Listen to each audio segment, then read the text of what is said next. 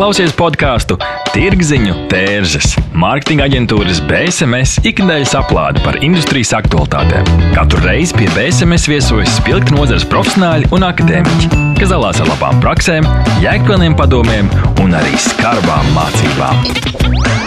Aiziet! Šodien Tirziņu tērzes studijā Inta Buša un Denis Ševeļovs. Esat sveicināti mūsu 23. epizodē, un šomēnes augustā mēs startējam ar mini-sēriju ciklu par stratēģijām. Katru otrdienu jūs dzirdēsiet kodolīgas sarunas un runāsim par stratēģiju piecos griezumos. Pirmkārt, par mārketinga stratēģijām, digitālo mārketingu, sociālo mēdīju, PR un arī trade mārketinga stratēģijām. Šodien Par mārketinga stratēģijām pie mums divi viesi. Kristīne Bulumfelda Rūtka, Rīgas Stradiņu universitātes lektore, studiju programmas starptautiskais mārketings un reklāmu vadītāja, mārketinga zīmola vadības un patērētāju uzvedības kursu docētāja, kā arī Margarita Aļapjeva Vaišļa, Paulīka Kofija Latvija valdes locekle. Sveikas! Sveiki!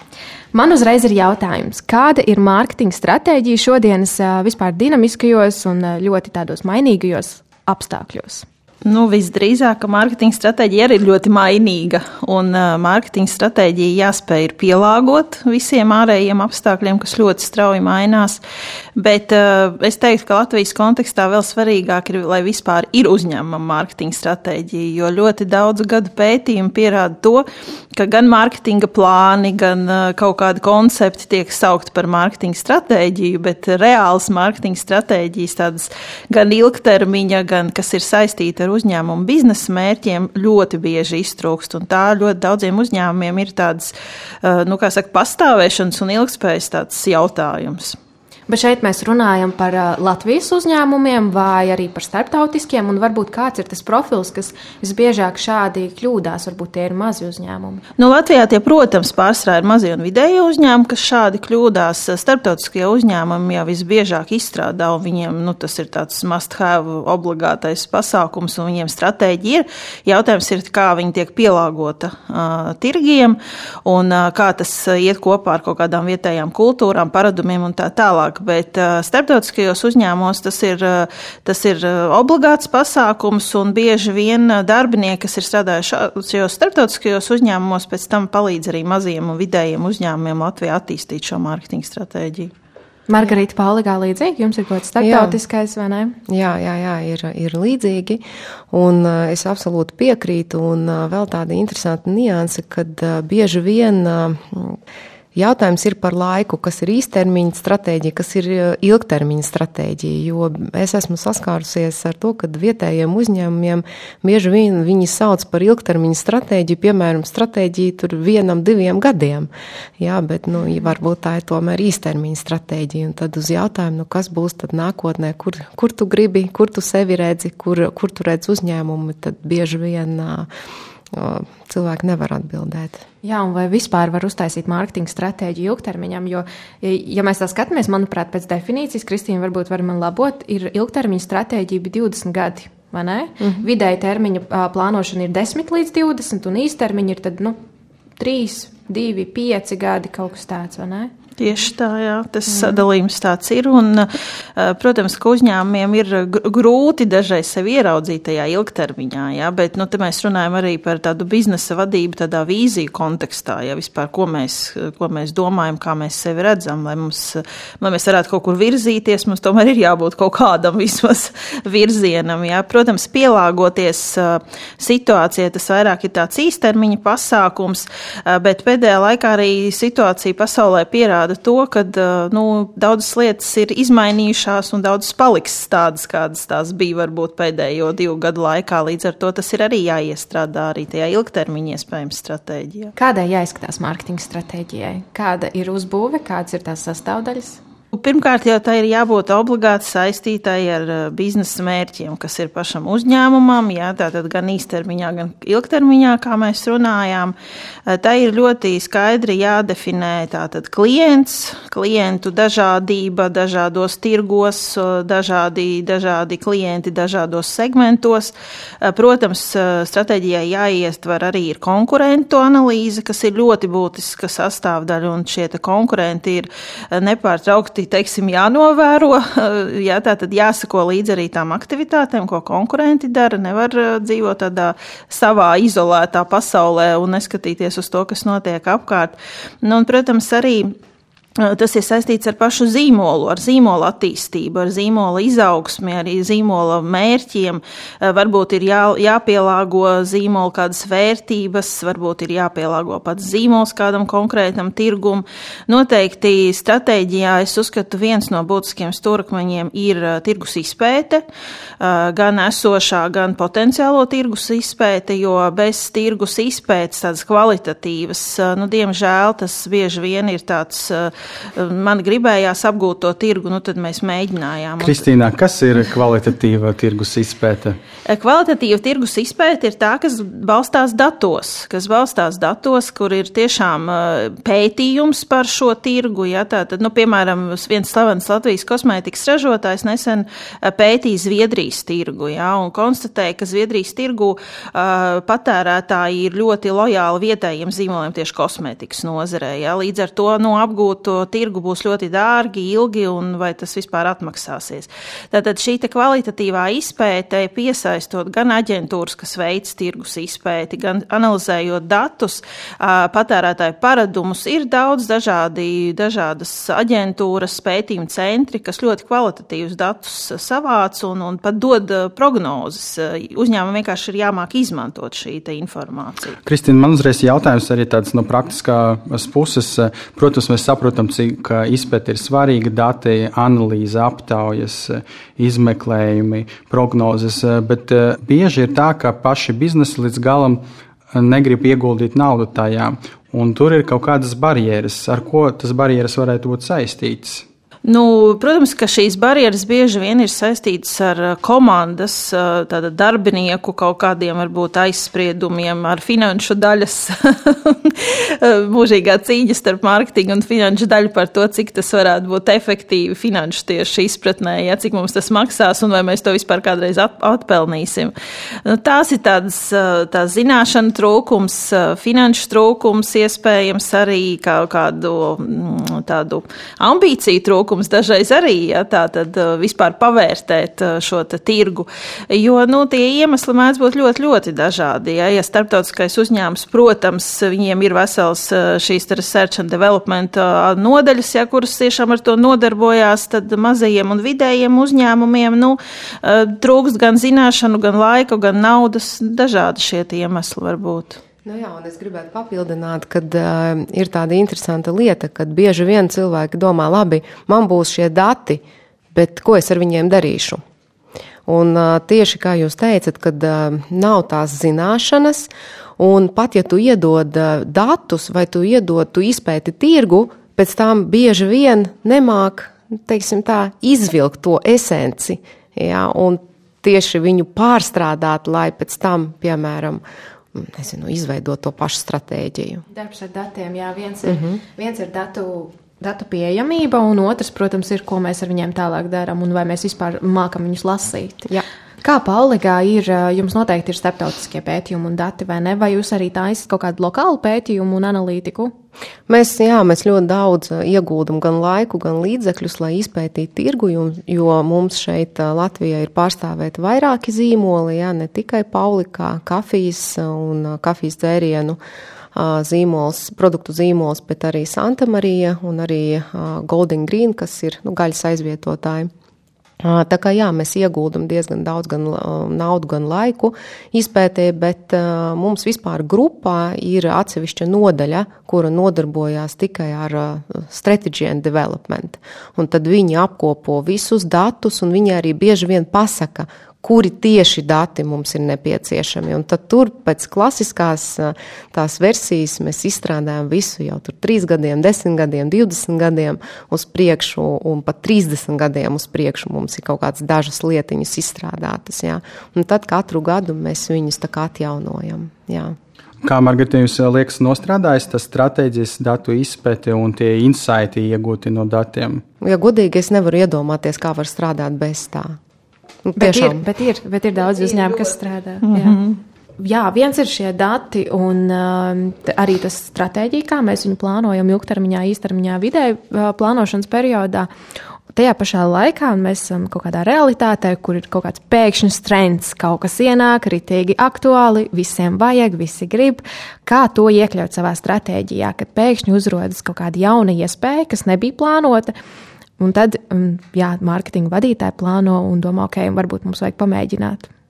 Nu, es, eh, es varētu iekomentēt, ka eh, jautājums, kas ir pēkšņi? Tāpēc es tikko minēju, ka reizi gadā mēs, piemēram, atjaunojam, jā, un mēs skatāmies, nu, kas ir tās trendīja lietas. Jā, un tad tev ir iespēja, piemēram, reizi gadā jā, pārskatīt un tā apstāties un padomāt, labi, tie ir mani ikdienas darbi, bet kas tāds nācis varbūt jauns?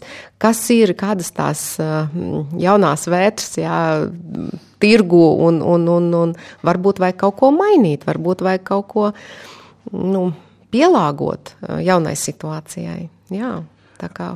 Vajag. Jums ir liels uzdev, uzņēmums un jums ir atsevišķa nodeļa. Bet kā, Kristina, ko es ieteiktu maziem un vidējiem uzņēmumiem, Reizēm, protams, mēs iegristam kaut kādā rutīnā, mums ir operatīvi jautājumi, bet kā sevi disciplinēt, eh, lai domātu nezinu, par nākotni, par stratēģiem, kādi būtu tādi paņēmieni? Regulāra savas darbības izvērtēšana viennozīmīga, un man, eh, mēs pagaidām arī tā runājam. Eh, katram uzņēmumam, protams, ir savs sortiments, savi produkti, jā, un, un ir ik pa laikam jāpārskata tie produkti. Jā, tā tad varbūt kādam produktam ir kaut kāds jauns tirgus potenciāls, kaut kādas mainības mainījusies eh, situācija. Eh, tāpat tās eh, Latvijā ļoti maz mazie un vidēji uzņēmumi izvērtē tieši B2C un B2B segmentus. Ja? Nu, pārsvarā viss uzreiz koncentrējas uz to gala patērētāju, ja? un ļoti bieži ir tā, ka nedaudz to produktu modificējot, pārveidojot, var ļoti labi startēt, piemēram, B2B. Nu, tāda ikdienas, ikdienas savu darbību pārskatīšana, regulāra tāda mm, izvērtēšana iespējams pieaicinot arī kādu cilvēku no malas, to pašu praktikantu no universitātes, piemēram. Ja? Arī viņš var ienest ļoti labas vēsmas ja, šajā uzņēmuma darbībā, ieteikt. Nu, tad, pieņemsim, tas pats TikToks. Ja? Nu, ja mēs tā skatāmies, te katram uzņēmumam tiešām ir jāizvērtē, vai pašam uzņēmumam tajā būt, vai būt kā kāda produktu tur pārstāvēt, ja? Kādam patērētājam tas saturs būs interesants, vai mums tas, tas, tas patērētājs tas ir mūsējais patērētājs un arī ilgtermiņā, ko mēs tur darīsim, nedarīsim un kā mēs to izmantosim. Ja? Tā kā, nu, jā, tāds izaicinājums, eh, bet tas ir tāda uzņēmēja, man liekas, obligātā lieta, kas ir, kam ir jābūt uzņēmējā. Viņam ir jābūt visu laiku tādam izaicinājums, visu laiku jāizaicina sevi. Tas ir uzņēmēja gēns, teiksim tā. Bez tā jau diezgan grūti uzņēmēja darbībā vispār darboties. Jā, un man liekas arī tāda nianse, ka viens ir stratēģija, un otrs ir tie praktiskie rīki, kas, tad, protams, var mainīties. Un tad viens trends mhm. šeit, viens tur. Mēs sekojam līdzi un pakļaujamies un iekļaujamies tajā visā, ja tas saskan ar mūsu stratēģiju, ko gan kaut kādā periodā mēs esam izstrādājuši. Man liekas interesanti, Kristīna, ko tu minēji par praktikantu iesaistīšanu un vispār jaunām asinīm uzņēmumā, jo mēs zinām, ka ir arī tādi uzņēmumi Latvijā, kuri citreiz ir arī pat starptautiski uzņēmumi, kuri attiecīgi kā 20 gadus strādāja, tā joprojām strādā un izstāsta, ka turpmāk arī vēl 20 gadus tāpat arī strādās. Tur nekas nemainās un nāk jauni trendi un tendences, bet uh, iespējams tie potenciāli netiek izmantoti, jo nu, ir kaut kādas šīs vecās tehnikas un vecie ceļi, kas ir šķietami pārbaudīti un varbūt viņi pat strādā. Uh, Kā vispār reaģēt jā, uz kaut kādām tehnikām un cik liela nozīme ir svaigām jaunām asinīm, jauniem brenda menedžeriem, kas nāk un tūlīt revolucionēs visu zīmolu? Man šķiet, ir, man šķiet ļoti liela nozīme. Un es gribētu piebilst, jā, forša ideja arī par praktikantiem. Man šķiet arī, piemēram, tās pašas ēnu dienas, jā, jo mums katru gadu nāk jaunieši. Un viņi nāk ar tādu pilni ar entuziasmu, ar emocijām, ar domām, ar, viņi dalās ar savām idejām, un tas ir ļoti forši. Tā kā, tā kā jā, bet uh, svaigas asins jā, bet man šķiet, ka nevajag arī norakstīt, piemēram, mentoringu Jā, kā tādu, jā, jo bieži vien tie jaunie uzņēmēji, viņi domā, es visu zinu, es būšu super tur trendīgs, jauns, es iešu uz priekšu. Bet uh, bieži vien, ko es esmu redzējis, ka trūkst arī, piemēram, tā teorētiskās bāze. Jā, teorētiskā bāze trūkst, jā. Un tāpēc, piemēram, bieži vien arī ir nepieciešams arī tās akadēmiskās zināšanas, lai uzbūvētu pēc tam, pēc tam kaut ko trendīgu, kaut ko foršu, kaut ko jaunu.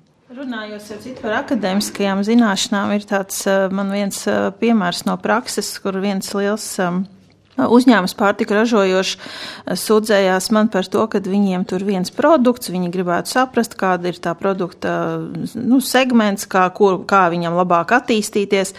Un es domāju, bet es tikko darbā recenzēju vienu maģistra darbu tieši par to jautājumu, tieši par to uzņēmumu. Un tad, kad es pajautāju, izrādās, ka uzņēmums nemaz nezina, ka viņu darbiniece ir tiešām izstrādājusi fantastisku pētījumu, ja, tādu tā akadēmisku pētījumu ar teorētisko pamatojumu, ar praktisko pētījumu, kur tiešām ir praktiski izmantojami secinājumi priekšlikumi. Bet viņi ir baidījusies uh, uzņēmuma vadībai prezentēt ja, šo savu pētījumu, lai viņai nepārmet, ka viņi tur kaut kādus datus ir izmantojusi, vēl kaut ko. Bet tas pētījums tiešām bija fantastisks un viņu varēja tiešām uzņēmums reāli izmantot. Tā kā arī, starp citu, man ir bijusi pieredze Vācijā un, un Austrijā. Tur uh, pārsvarā šie bakalaura maģistra darbi ir sasaistīti ar konkrētiem uzņēmumiem. Un ļoti bieži uzņēmumi pēc tam šos te, nu, darbu rakstītājus arī pieņem darbā un tādā veidā atsvaidzina šo savu mārketinga stratēģiju un mārketinga pieeju. Tas ir tāds arī, uz ko gribētos aicināt Latvijas uzņēmējus būt aktīvākiem šajā.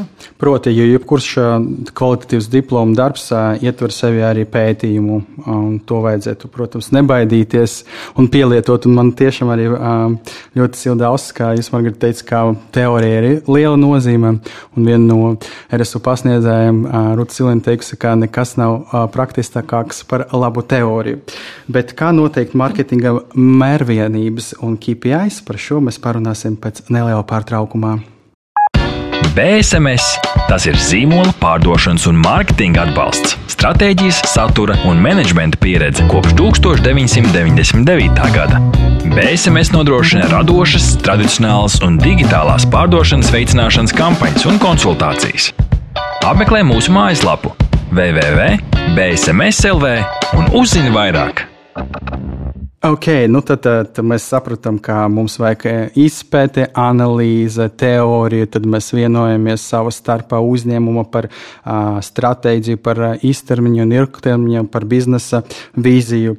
Un tad uh, mēs arī parunājam par to, kā ik pa laiku, reizē gadā, vajag to izvērtēt. Un kā mēs izvērtējam, kādas mērvienības, kādas. Uh, key performance uh, indicators, jeb uh, KPI mēs uh, izmantojam, kas ir novecojis un kas ir aktuāls. Margarita, varbūt. Es domāju, ka noteikti ir vispasaules tādi, teiksim tā, pieņemami tie KPIs, jā, kas ir tādi atzīti, jā, un visiem tādi zināmi, bet ir noteikti katram uzņēmumam ir ļoti savi specifiski KPIs arī. Un, uh, man šķiet, ka KPIs arī katrā uzņēmumā nu, dalās, jā, jo ir uh, lielas lietas jā, un ir ļoti mazas un specifiskas lietas. Piemēram. Par mazām un specifiskām lietām nu, tas var būt piemēram konkrēta viena produkta, un pat ne tikai produkta, bet konkrēti viena SKU. Tā tad nu, konkrēta produkta, piemēram, es nezinu, tur kafijas, konkrētā, konkrētās kafijas, konkrētās, konkrētās izmērs, jā, tur paciņas kā, viņu, kā mēs virzīsim tirgū. Nevis vienkārši kā mēs attīstīsim pauliku zīmolu, ja? bet tas var būt no tādām lielām lietām līdz tādām ļoti mazām lietām. Ja? Un, protams, tas jau ir atkarīgs tālāk no uzņēmuma lieliem mērķiem, lieliem un maziem mērķiem, ja? kādi tieši ir tie KPIs. Kristīna? Nu, tradicionāli, protams, tā efektivitāte ir saistīta ar pārdošanu, un tie rādītāji jā, ir, ir skaidri nolasāmi. Bet, protams, kad ir jārēķinās, ka ir pieņemsim produkti, kas ir kaut kādi sezonāli, varbūt viņi ir ļoti pieprasīti vienreiz gadā, bet ir pieprasīti. Jā, un, nu, dažādas ir šīs sistēmas, ir arī, piemēram, tie paši mazumtirdzniecības tīkli, jā, kas tur tos plaukta, plaukta atdevi mēra, jā, un, un, un tagad, protams, arī arī internetā ir iespējams dažādi mērīt dažādas tās atgriezeniskās saites. Ļoti būtiski ir tiešām sekot līdz tai efektivitātei un mārketinga kampaņām un mārketinga pasākumiem. Ja, ja mums ir kaut kāds mārketinga pasākums konkrēts, tad, protams, ka tā pārdošana ir viens no tādiem galvenajiem rādītājiem, kas parāda to efektivitāti gala rezultātā. Nu, jā. Vai nu, vai nu arī noteikti, ja tā ir piemēram kaut kāda reklāma, jā, klasiskais variants televīzijā, jā, tad mēs tur arī mēram viennozīmīgi gan pārdošanas rezultātus, bet arī mēs izmēram, piemēram, cik cilvēki ir redzējuši šo reklāmu. Jā. Tā kā šīs arī tāds moments, kas ir ļoti būtisks un bieži vien, protams, ietilpst arī KPI. Jo tas atkal ir par to stratēģiju un par to mērķi, vai ne? Jo viens ir uh, pārdošana, pieņemsim, tas ir main point, pieņemsim. Protams, biznesā viss ir about money, un dienas beigās tomēr ir uh, jāsasniedz kaut kādi konkrēti finanšu rezultāti, bet citreiz, protams, arī kampaņas tiek uh, veidotas vienkārši uz uh, tēlu, uz atpazīstamības veicināšanu un tā tālāk, vai ne? Mm -hmm. Nē, nu, protams, ir jau arī kaut kādas kampaņas, kas, pieņemsim, maina patērētāju paradumus. Jā, tagad ir ilgspēja. Tieši uzvedības maiņa. -hmm. Jā, uzvedības maiņa, tas paši atkritumi, iepakojums, visi šie aktuālie jautājumi, kādu šis produkts atstāja ilgtermiņa ietekmi uz planētu. Nu, tas tagad ir tāds, nu, principā veidojot jaunu produktu. Es uzskatu, ka to vispār nevar, nu, tas ir obligāti jāiekļauj mārketinga stratēģijā šis ilgspējas faktors. Jā, un tagad nākošais, kas tuvojās, ir klimata neutralitāte. Jā, kas jau ir, ir jau, bet nu, uzņēmumi varbūt vēl nav līdz galam izvērtējuši. Kaut gan ir arī Latvijā ļoti labi piemēri, kur ir uzņēmumi, kuri gan par savu šo iepakojumu daudz komunicē un stāsta, kā viņi to ražo, pieņemsim, no okeānā izvejotās plastmasas, un ir tādi, kas arī veicina šo nodošanu atpakaļ. Ja, tā kā šī te paradumu maiņa arī ir ļoti būtiska. Protams, zīmola atpazīstamība arī, jo iespējams cilvēks šodien neiegādāsies jūsu produktu bet viņš atcerēsies jūsu zīmolu un brīdī, kad viņš nonāks pie tās konkrētās kategorijas, viņam tas jūsu zīmols būs pirmais, kas būs viņa alternatīva kopā. Un, un š, to, to ir grūtāk izmērīt īstenībā, jā, bet, bet tas arī ļoti liels rādītājs. Nu jā. Un vēl tāda interesanta lieta, jā, kad es, es absolūti piekrītu, jo, piemēram, jaunā paudze, jā, ja, ja mēs runājam ļoti daudz par ilgspējību, tad uh, varbūt vecākai paudzei, nu, tik cik mēs redzam pēc, pēc, pēc pētījumiem, tas ir mazāk aktuāli. Tātad uh, jaunākai paudzei tas ir vairāk un vairāk aktuāli. Un kurā brīdī viņi sāks veikt tos pirkumus patstāvīgi, jā, nu, tas jau ir atkarīgs no konkrētās situācijas. Jā, un tad tajā brīdī, jā, tieši tas darbs, kurš bija paveikts pirms tam, cik mēs komunicējam par to ilgspējību, par klimatu, ja, tad tas jaunais patērētājs, kas pēc tam varbūt cerams ilgus gadus pirks jūsu produktu, viņš jau būs gatavs atnākt uz veikalu un iegādāties tieši jūsu produktu. Mm, tieši tā, bet arī tāda domāšana patiesībā tā ir ilgtermiņa domāšana un spējas paskatīties, kur mūsu uzņēmums būs pēc tiem pieciem, desmit gadiem. Un tas, uh, nu, kur, ko, kas, ko es arī vēlos jums jautāt, un ko mēs arī katras eh, epizodes noslēgumā jautājam mūsu viesiem, būs par to, vai uzņēmumi vispār zina, kur, kur viņi vēlas būt. Nu, mēs noteikti zinām. Jūs jau zināt, 20, 30 gadus. Mēs zinām, jā, 20, 30 gadus uz priekšu, kur mēs gribam būt. Tādā ziņā man ir liels prieks, kā uzņēmuma vadītājai. Es zinu, kur man jāiet. Protams, kā mēs runājam, jā, biznesa ir svarīgs, nauda ir svarīga, bet ir arī citas vērtības, jā, kā ģimene, cilvēki, klimats, ilgspējība. Un es uzskatu, un es tieši ticu tam, ka visam ir jābūt līdzsvarā. Kristīna, kā tev šķiet, vai uzņēmumi Latvijā zina, kur viņi vēlas būt pēc pieciem gadiem? Ļoti dažādi. ļoti dažādi. Uh, ir, protams, tādi, kur ir uh, lieli starptautiskie uzņēmumi, kur ļoti skaidra šī vīzija ir, bet uh, mazie un vidējie, nu, ir, protams, pozitīvi piemēri, ja, kas tiešām zina, kur viņi grib būt, uh, bet ir arī tādi, kas strādā šodien un rītā domās, ko, kā dzīvot tālāk. Un uh, šeit ir tāds uh, tiešām būtisks faktors, uh, kā šie uzņēmumi bieži vien neapzinās, ka jauns, jauns uzņēmums, kas kā prioritāti ieliks, ilgspēju, klimata neutralitāti, arī piekrīt par ģimenes vērtībām, var viņus vienā brīdī izkonkurēt, ja viņi nepielāgosies, ja, ja viņi ne, ne, ne, neintegrēs šīs te, uh, vērtības savā darbībā, ja, tad var atnākt jauns uzņēmums, kurš pasaka, re, kur mēs esam ar šīm visām vērtībām jau, un viņi var izkonkurēt. Tāpēc nu, tas ir, tas ir tā, tā doma par to 5, 10, 20 gadu vīziju ir ļoti, ļoti būtiska. Bet, protams, kā jau mēs runājam, tur ir diezgan daudz arī barjeras, kāpēc Latvijā tas, tas ir vēl, vēl tam ir jāattīstās un jāaug. Jā, es tieši par tām barjerām arī uzreiz tā domāju. Mēs kā visi saprotam, it kā jau pēc teorijas, ka jāplāno ir uz priekšu, bet realitātē tas tā nenotiek. Un tad tas jautājums vienmēr ir, kāpēc. Un, protams, tās situācijas ir ļoti dažādas. Bieži tas ir kaut kāds vadības jautājumu līmenis un tā tālāk. Bet uh, varbūt Latvijā tas viens no faktoriem ir arī tas, ka varbūt nu, ir daļa to uzņēmumu, kas tomēr nav pārāk stabili. Jo, lai tev būtu tas mindsets, ka tu esi gatavs uh, plānot to 10, 20 gadus uz priekšu, tev jābūt pārliecībai, ka jūsu uzņēmums arī pastāvēs kaut vai rīt. Stabilitāte ļoti būtiska. Ja, tā, ja tu esi ja, visu laiku aiz, aizņemts ar kaut kādiem izdzīvošanas jautājumiem, jā, ja, tad, jā, tad tev nav laika un, un, un resursu domāt tādā lielā ilgtermiņā. Un tā e, stabilitāte uzņēmumam, protams, e, dod. Bet ir arī, protams, dažādas gan atbalsta programmas, mēs runājam par mentoriem, tie paši inkubatori ļoti atvērti ir ja, tātad šīm mentoru lietām. Tā kā e, šeit jau uzņēmumam arī jābūt ir. Nu, jāiegulda resursi īstermiņā, lai ilgtermiņā būtu, būtu atdeve. Jā, tā sanāk. Es pat teiktu, tas eh, man tagad rīktīgi atgādināja, tas ir kā ar sportu. Jā, ja tu gribi rezultātu, nu tad šodien bišķiņu vajag pavingrot. Kaut kas līdzīgs. Un vēl viena jau lieta arī ir tas, ka tu zini, ka ir veselīgi sportot, bet otrs ir izdarīt. Jā, tieši tas pats ar stratēģiju. Okay. Nākošais mans jautājums uzreiz ir uh, no tīri praktiskās uh, puses. Uh, Margarita, noteikti man interesēs arī tavs viedoklis kā polīga vadītāja, jo skaidrs, ka jūs strādājat ar vairākām uh, aģentūrām un partneriem. Un tad tas jautājums, kā sabalansēt tos resursus, lai visi zinātu, kur tad jūs ejat, lai tā informācijas apmaiņa notiek pirmkārt uzņēmumā, iekšēji starp darbiniekiem, it sevišķi, ja mēs runājam par uh, uzņēmumiem, kur ir ļoti sarežģītas struktūras, daudzi departamenti, katram savs budžets, visi cīnās par to budžetu savstarpēji, naidojas un tā tālāk. Un tad vēl ir tās aģentūras, katram departamentam savas. Mm -hmm. Un tad vai visi zina, uz kurien beigu beigās ir jāiet? Nu, jā. Mums ir tā ļoti interesanti uzbūvēts, un man šķiet tā ļoti pareizi, ka mūsu visus, visus darbiniekus un īstenībā mūsu sadarbības partners noteikti apvieno mūsu lielais mērķis. Un ir tāds ļoti labs teiciens, krieviski, es domāju, viss sapratīs, riba gņjots galavī.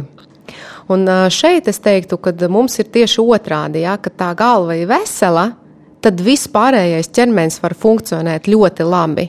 Un tas ir tas, kas, ko, par ko mēs šodien runājam. Protams, ir ikdienas darbi, visi tur cīnās ar ikdienas lietām, un tad viņi aizmirst par to galvu, par tām lielām lietām. Un mums ļoti tā skaisti, mums viss nāk no augšas, mums ir lielais mērķis, un tad visi cīnās, lai šīs mērķis būtu sasniegts.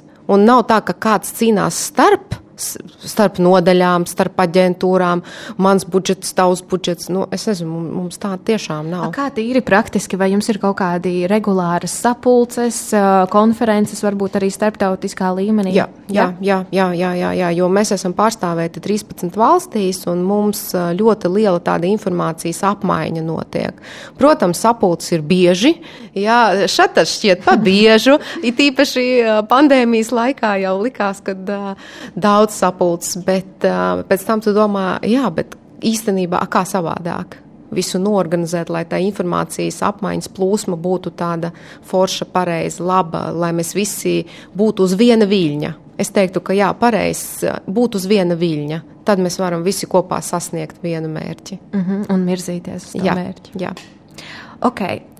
Pats pēdējais jautājums man ir, varbūt mēs kopā varam uh, definēt arī tādus trīs ieteikumus, ko jūs ieteiktu jebkuram uzņēmumam vai zīmolam, izstrādājot savu mārketinga stratēģiju.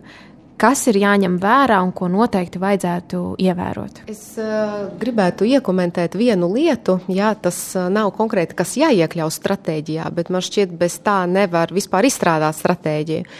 Kad uh, ir noteikti jāieplāno laiks, jāieliek sev kalendārī nezinu, tur trīs gadiem uz priekšu. Pat ja šķiet, ka es nezinu, kur es būšu vispār pēc trīs gadiem, es nezinu, tur 10. maijā, man nav nejaus, bet tev vienkārši. Ticiet man, pienāks tas 10. maija, piemēram, ja pēc trīs gadiem. Ja ieliek kalendārī, ka nezinu, reizi gadā, es apsēžos, un vienalga, kas man notiek, ja, kādi operatīvie darbi, es pieķeros un es apdomāju, es izanalizēju, kas notiek, kas nenotiek, kur man jāiet, kāpēc man tur jāiet. Jāieplāno tas laiks, jo, jo tās ikdienas rūpes, tās problēmas, kas ir jārisina tuliņ un tagad, viņas ir visu laiku.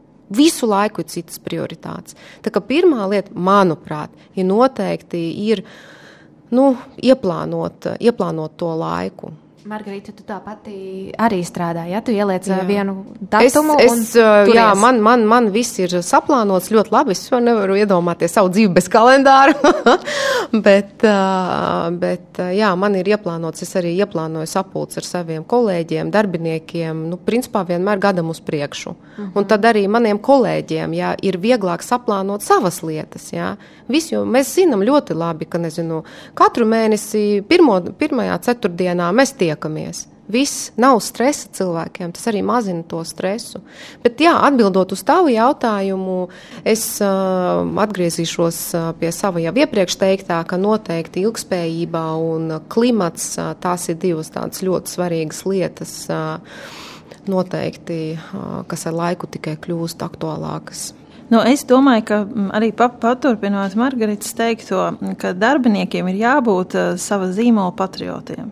Un tas ir arī ļoti liels klupšanas akmens Latvijā, kad uh, uzņēmums tirgo automašīnas un darbinieki brauc ar citu zīmola automašīnām. Nu, tas ir nedaudz tā, nu, tad rodas jautājums. Ir redzēts, jā. jā, ir jautājums, kāpēc. Tātad zīmola, zīm, pašiem, pašiem darbiniekiem ir jābūt sava zīmola patriotiem, uh, sava zīmola atpazīstamības nesējiem uzņēmumiem, ja viņiem tā tad ir jādeg par šo savu zīmolu. Un eh, šeit, eh, protams, biznesa mērķi, ko mēs iekļaujam eh, biznesa stratēģijā, tie paši klienti, tie paši mm, konkurenti, ja, un tas viss ir saistīts ar to, kam ir jābūt arī mārketinga stratēģijā, bet ļoti svarīga lieta, protams, ir šīs zīmola vērtības, kā mēs redzam šo savu zīmolu, jā, tā tad īstermiņā un ilgtermiņā, un mums ir, zīmolam ir jāmainās, zīmols nevar palikt pilnīgi tāds, nu, nemainīgs logo var palikt nemainīgs kādu laiku, bet arī praksa rāda, ka ir jāpielāgojas. Bet zīmolam ir savās vērtībās jāiekļauj tās aktualitātes, kas pašlaik ir patērētājiem. Un runājot starp citu par jauniešu auditoriju, ļoti daudz pētījumu pierāda, ka pēdējos gados tieši bērni ģimenē, kas ir vecākie bērni, tur pusauģu vecuma, ļoti spēcīgi ietekmē ģimenes paradumus. Ja? Un, līdz ar to tātad tik agri, cik mūsdienās bērni nonāk saskarsmē ar zīmoliem, cik viņi ātri viņus sāk atpazīt, ja? tā nekad nav bijis. Līdz ar to tātad šīs zīmola vērtības, eh, klienti, patērētāji un, un, un šī stratēģija tam visam jābūt ir uh, kopā, regulāri jāpārskata un, un, un jābūt gataviem arī veikt uh, nepieciešamās izmaiņas. Tātad, apkopojot jūsu tie trīs ieteikumi, noteikti būtu pārskatīt uzņēmumu vai zīmolu vērtības, noteikti skatīties ne tikai, kas ir trendā, bet, protams, kas sakrīt arī ar uzņēmumu kaut kādiem mērķiem un prioritātēm un domāt arī to, tajā pašā laikā par ilgspējību. Otrkārt, jā, tad būt sava zīmola patriotiem. Šis, man liekas, Denis, ir ļoti aktuāls jautājums, vai ne? Ka uzņēmumam ir jābūt savu zīmolu vai savu uzņēmumu tātad vēstnesim. Vēstnesim, jā, jā, jā, vēstnesim. Jā. Un plānot ilgtermiņā, tajā pašā laikā regulāri pārskatīt. Bet, Margarita, man ļoti patika arī tavs ieteikums, ka ielikt tagad šodien, tad atveram visus savus kalendārus un ieliekam gadu uz priekšu savu dienu, kad mēs apsēdīsimies un neskatoties uz visu hausu, varbūt, kas mums notiek apkārt, padomāsim par stratēģiju un kur mēs ejam. Lielas paldies! Šodien mums bija 23. epizode. Kopā ar Kristīnu Blumfeldu Rutku un Margaritu Aļabjevu mēs runājam par mārketinga stratēģijām. Tiekamies nākošais nedēļa! Paldies, ka klausījāties BSMS podkāstu Tirziņu tērzes. Aplādi ar labām praktiskām, jēgpilniem padomiem un skarbām mācībām. Patika epizode? Dalies sociālajos medijos, ir idejas tēmām vai viesiem? Raksti mums! Tās bija tirgziņa tērzes. Tiekamies nākamnedēļ!